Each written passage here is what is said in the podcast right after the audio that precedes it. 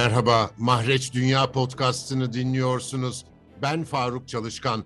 Fransa'da yüksek mahkeme Suriye'deki terör örgütü DAEŞ'ı finanse eden çimento şirketi Lafarge'ın insanlığa karşı suç işlemekten yargılanmasının önünü açan bir karar aldı. Anadolu Ajansı önceki gün şirketin bu bağlantılarını gösteren belgeler yayımlamış, dünya medyasında gündem olmuştu. Brüksel'den Avrupa editörümüz Yusuf Kaya konuğum. Yusuf teşekkür ederim katıldığın için. Önce Lafarge'ın DAEŞ'la ilişkilerini özetleyelim mi? Lafarge'ın DAEŞ'le ilişkisi, DAEŞ'i finanse ettiğine ilişkin iddialar aslında 2012 ile 2014 yıllar arasını kapsıyor. Bu dönemde bildiğiniz üzere DAEŞ'in e, güçlenmeye başladığı, e, yeni kurulduğu ve güçlenmeye başladığı dönemlerdi. O dönem e, her ne kadar DAEŞ terör örgütü olarak kabul edilse daha sonra işte biliyorsunuz onlara karşı bir koalisyon e, grubu kurulsa da e, Lafarge şirketi, Fransız Lafarge şirketi ki dünyanın en büyük çimento firmalarından biri e, buna rağmen e, oradaki e, operasyonlarına devam etti. E, DAEŞ'e e, da, çünkü fabrika DAEŞ'in bölgesindeydi. DAEŞ'e hem çimento sattı hem onlardan petrol aldı. E, bildiğiniz ticari ilişkileri devam ettirmiş oldular. Ancak daha sonra e, bu ilişkiler e, ortaya çıkmaya başlayınca, özellikle Fransız basınında yer almaya başlayınca, 2014 yılından itibaren bu ayuka çıkmaya başlayınca iddialar daha sonra fabrikayı kapatmak zorunda kal, kaldı Lafarge. Ama tabii burada özellikle sivil toplum kuruluşları ki bunlardan iki tanesinin özellikle altını çizmek lazım. Bir tanesi Sherpa, diğeri ise Avrupa Anayasa ve İnsan Hakları Merkezi. Bunlar olayı yargıya taşıdılar. E, daha sonra alt mahkeme, Fransa'da bir alt mahkeme e, Lafarge'ı suçlu buldu. Neyden suçlu buldu? İnsanlığa karşı suçlara ortak olmak suçlamasını reddetti. Ancak terörü finanse etme suçlamasını kabul etti. Bu e, daha ileri seviyede bir suçlama daha vardı. Bir de oradaki yerel halkın e, hayatını tehlikeye atma meselesi vardı. Bu üç suçlama var asıl e, burada önemli olan. Bir sonraki mahkeme daha sonra tabii bu e, Lafarge firması e, terörü finanse ettiği suçlamasını bir üst yargıya taşıdı. Yani bu bunu kabul etmedi. Tabii insanlığa karşı işlenen suça ortak olma meselesini de reddetmişti mahkeme. Bunu da e, bu kuruluşlar bir üst mahkemeye taşıdılar. Yani bunun da kabul edilmesini istediler. En son bildiğiniz üzere çarşamba günü Dan, e, Yargıtay, Fransız Yargıtay'ı hem e, insanlığa karşı e, suçta ortak olduğu yönündeki iddiaları kabul etti e, bunu hatta tekrar görüşülmesini istedi. E, bu konudaki e, yapılan başvuruyu reddetti.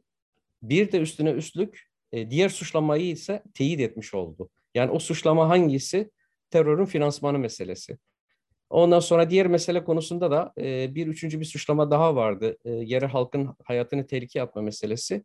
Orada da e, mahkeme, e, Yargıtay onu da reddetmiş oldu. Ama iki suç var burada. Bir tanesi insanlığa karşı işlenen suça ortak olma suçu, diğeri ise terörün finansmanı meselesi. Şimdi bu iki suçlama devam edecek. Bundan sonra yeniden alt mahkemelere gönderilmiş oldu Yargıtay tarafından. Bundan sonra mahkemeler bunu yeniden görüşmeye başlayacak. Hatta daha önceki alt mahkemenin reddettiği e, o suçlama için e, Yargıtay yeni hakimlerle yola devam edilmesini istedi ki bu da Yargıtay'ın bu konuya ne kadar önem verdiğini gösteriyor. Şimdi bundan sonraki süreç ne olacak? Bundan, bundan sonraki süreçte alt mahkemeler e, Lafarge'ı tekrar e, yargılamaya başlayacaklar. Ama şimdi şöyle de bir durum var, onu da belirtmek lazım. Lafarge diye bir firma yok artık. E, Lafarge suçlamalar sonrası e, hem fabrikayı kapatmıştı Suriye'deki fabrikasını hem de e, İsviçre'deki rakibiyle, Holcim ile birleşme yoluna gitti ve ismini değiştirdi. Hatta bu isim değişikliği çok yakın zamanda oldu. Mayıs ayında oldu. Böylelikle Lafarge bir şekilde e, bu suçlamalardan kaçınmak istedi. Tabii ticari kaygılar nedeniyle belki farklı bir firmayla gittiği zaman en azından e, ismini korumuş olacaktı. E, faaliyetlerini devam ettirmiş olacaktı. Ama bu aşamadan sonra e, onun da tabii bugün İsviçre'den arkadaşımız bir haber geçti e, bildiğimiz kadarıyla e, bu e, kovuşturmadan kaçamayacak. Yani Holcim de olsa, Lafarge de olsa, Lafarge Holcim bile olsa bundan sonraki süreçte e, firma e, birleşmiş haliyle birlikte de e, yargılanmaya devam edilecek. Bu arada Paris'te terör saldırılarıyla ilgili davalar da görülüyor artık. DAEŞ gündeme gelmişti o saldırılarla ilgili. Neler biliyoruz Yusuf? Evet 2015 yılında Kasım ayında 130 kişi e, hayatını kaybetti. Daha sonra bu saldırıları, terör saldırılarını DAEŞ üstlendi.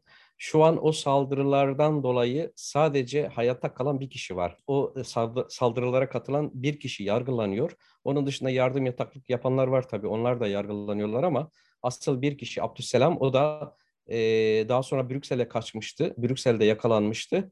E, biliyorsunuz 2015-2016 yıllarında hem Belçika'da hem Fransa'da çok büyük terör saldırıları oldu ve bunları da DAEŞ üstlenmişti. Tabii üstüne yani bu Lafarge davasının hemen üstüne çarşamba günkü işte mahkeme kararı sonrası, Yargıtay'ın kararı sonrası bu DAEŞ davasının başlamış olması da biraz ilginç bir tesadüf oldu.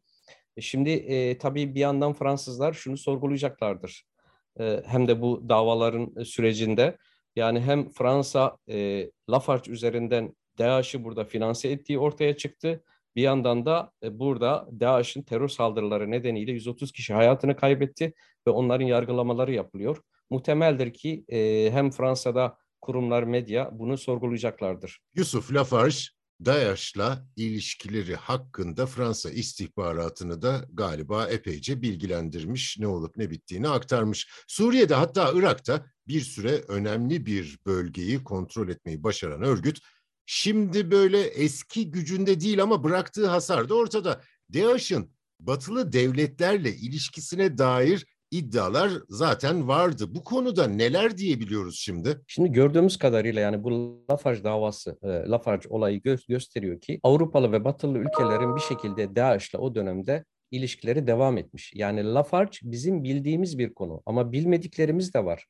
Yani zaman zaman e, batılı ülkelerin DAEŞ'la ilişki kurduğuna dair çok sayıda haber çıktı. Çok sayıda e, yani yayınlar çıktı. E, fakat bunları tabii hiçbiri kanıtlanamadı. Şu an kanıtlanmış bir e, örnek var karşımızda. O da Lafarge. Bu demek oluyor ki yani bunun e, Avrupalı şirketler, batılı şirketler, muhtemeldeki Amerikalı şirketler biliyorsunuz daha önce birçok skandal, Watergate skandalını hatırla, yani bu, bu tür meselelerde Avrupalıların, Batılıların ticari kaygıları ön planda. Siyaseten her ne kadar karşı çıkıyor gibi olsa da bu terör örgütlerine fakat ticari kaygılar nedeniyle bir şekilde ilişkilerini sürdürüyor Batılılar. Bunu açık bir şekilde görüyoruz.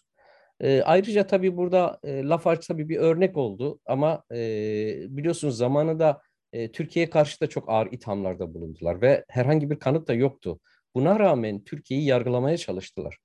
E, fakat biliyorsunuz Türkiye'nin Suriye ile ilişkileri vardı. Suriye'de Türkmenler var. Onun dışında ılımlı bazı e, e, gruplarla ilişki içerisindeydi. Fakat Türkiye'ye Türkiye'den giden herhangi bir e, yardım e, konvoyu durdurulup e, ondan sonra Türkiye itham edilebiliyordu. Nereye gittiğine bakılmaksızın.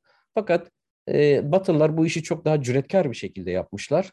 Bir de şunu anlıyoruz. Yani benim anladığım kadarıyla şimdi Batılıların teröre bakışı eğer Orta Doğu'da devam eden, süre giden bir terör olayları zinciri varsa çok fazla önemsemiyorlar. Fakat ne zaman e, önemsiyorlar? Kendi ülkelerine o terör geldiği zaman.